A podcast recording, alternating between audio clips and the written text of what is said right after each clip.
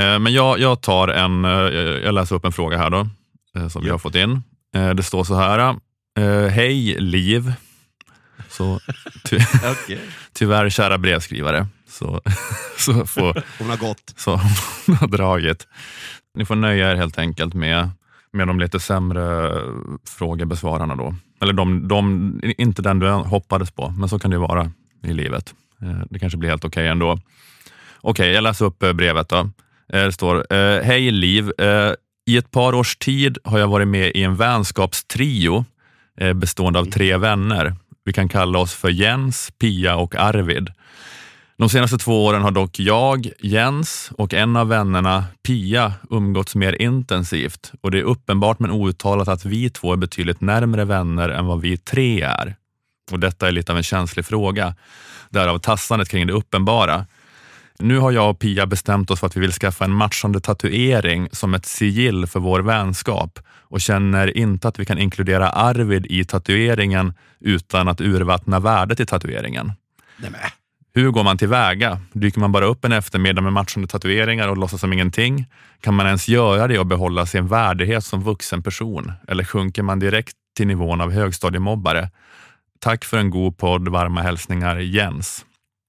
Mm, Okej, så Jens och Pia och Arvid är kompisar. mm, Men Jens och Pia är mycket, mycket mer kompisar än vad de är med Arvid. mm. Precis. Jag är jätteupprörd. Att, eh, att du tycker att de beter sig som mobbare eller att de... Ja, jag tycker det är väldigt fräckt. Ja, ja jag vet inte. Det, ja, det, är, det är så svårt att... Alltså det verkar svårt att undvika att det, att det ska bli lite stelt med Arvid. Det Alltså, kommer bli jättekonstigt. Va, och, och liksom, vad ska de... Nej. ja, men, ja, jag vet inte, men det, det, är liksom, det är som att de inte riktigt vill vara kompis med Arvid, då, som det här är formulerat. Alltså, eller, Men eller, då får de nästan göra slut med Arvid då. Det Ja. är också supertaskigt. Men det, men det måste, får man väl ta, antar jag. ja, precis. För att det kommer bli...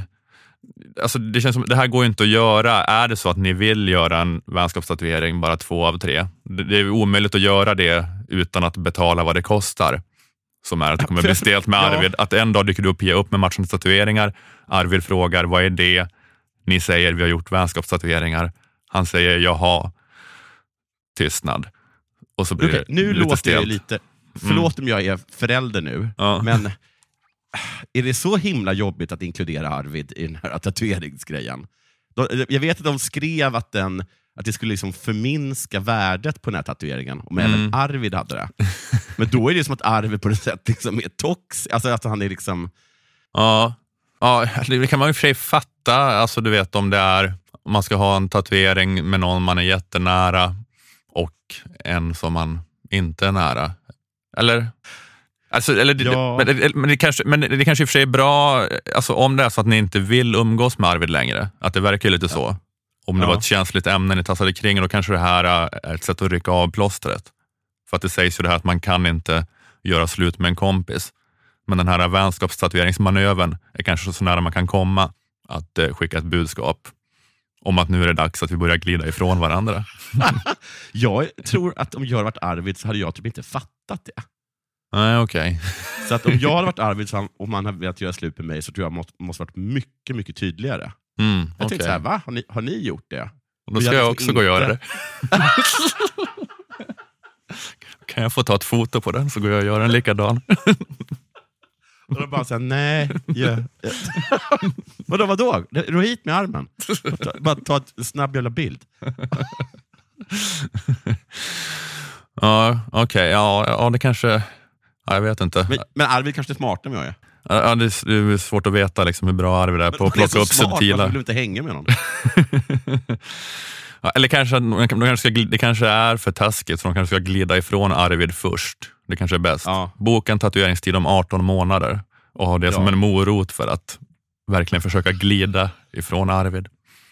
Jag menar, eller gör tatueringen alla tre, men sen om, tänk kanske det är ändå så att ni i längden inte kommer vara kompis med Arvid och då kommer han vara borta ur bilden.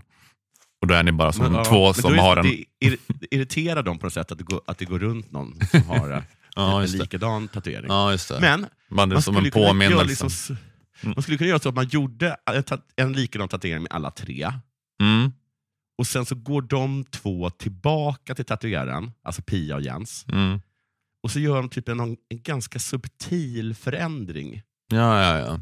Just det. Lägger till ett extra streck, kanske någon skuggning. Om man tittar på det med ett jättestort förstoringsglas så står det Fuck Arvid. Väldigt finstilt. Ja. Någonstans på tatueringen. Eller så här, precis, att man skriver typ fuck Arvid fast i så här, um, i typ, i, är, det så här vitt, vitt bläck så att det bara kommer fram när man är solbränd. Där. Just det, Fuck Arvid på hebreiska i vitt bläck. Ja. Vilka fina tecken, vad betyder de? Nej, inget speciellt. Ja, de betyder väl bara så här carpe diem eller något. Så kan, kan sitta där och fnittra. Ja, precis. ja, men i alla fall, när man pratar om eh, trioumgängen Mm. eh, så är det här som beskrivs i mejlet, det är väl lite grann ett socialt beteende som brukar beskrivas eh, som eh, Okej, det här var ett litet utdrag. Köp en prenumeration för 29 kronor i månaden på underproduktion.se stormens utveckling om du vill höra detta avsnitt. Plus alla tidigare prenumerantavsnitt, plus alla kommande. På underproduktion finns också instruktioner om hur du lägger in prenumerationsfeeden av Stormens utveckling i din poddapp, vilket är att föredra för smidigt lyssnande, även om det såklart går att lyssna direkt på webben också. Och när du har klistrat in din premiumfeed i till exempel podcaster, Eh, om du har en iPhone eh, så får du upp en feed som inte heter gratisfeeden inom parentes utan den heter bara Stormens utveckling. Och i den feeden finns då alla avsnitt av Stormens utveckling inklusive gratisavsnitten. Så du behöver endast eh, den feeden då. Och får du inte rätt på det av någon anledning så kan du alltid mejla support underproduktion.se för snabbt svar. Och på Underproduktion finns också möjlighet att köpa ett årskort på Stormens utveckling. Eh, antingen till dig själv om du av någon anledning inte gillar månadsprenumeration eller så kan du ge bort det i present till någon.